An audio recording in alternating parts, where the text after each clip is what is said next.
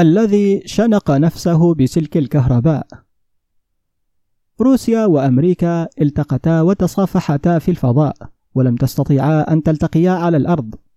الإنسان قطع ربع مليون ميل إلى القمر ولم يستطع أن يقطع بضع خطوات لينقذ جارا له يموت في فيتنام وكمبوديا والقدس. المسافات بين قلوب الناس أصبحت أكبر من المسافات بين الكواكب. وكل يوم يزداد الأخ عن أخيه تجافيا وبعدا. إنسان اليوم بدل أن يشغل نفسه بقتل الميكروبات أصبح يزرعها ويسمنها ويربيها ثم يصنع منها قنبلة ميكروبية ليلقيها على جاره ويجاوب عليه جاره بنفس أسلوبه ضاحكا في جنون.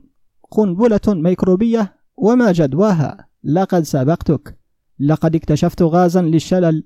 أرميه عليك فترقد مشلولا مثل صرصور قلبوه على ظهره فيصفق الآخر ويهلل كالمعتوه قديمة أنا عندي صواريخ مدارية تدور الآن في فلك حولك وأستطيع بضغطة واحدة على زر أن أنزل عليك الموت كالمطر. فيخرج الآخر لسانه ساخرا. هذه لعبة فات أوانها. فقد اخترعت صواريخ مضادة تصطاد صواريخك وتفجرها في الهواء. فيهتف الآخر لن تستطيع. فقد بنيت شبكة مضادة ضد الصواريخ المضادة. فيقهقه صاحبنا نسيت يا أبلة إنني بنيت شبكة ضد الشبكة. فيصرخ الأول ها ها ها أنت حمار. تذكر أن عندي مخزونا من القنابل الذرية يكفي لتمزيق القارة التي تسكنها. فيصرخ الثاني فلتذكر أنت أيضا أن عندي مخزونا من القنابل الأيدروجينية يكفي لشطر الكرة الأرضية كلها نصفين.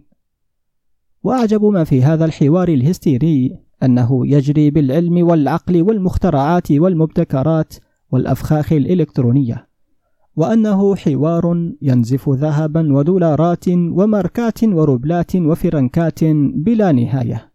ورجل الشارع البسيط يمشي وسط هذه المظاهرة جائعا عريانا قليل الحيلة لا يعرف بماذا يطلع عليه الغد. هل هذا عصر العلم أم عصر الجهل أم أنه جهل العلم؟ الله يعطينا الكهرباء فماذا نفعل بهذه الكهرباء؟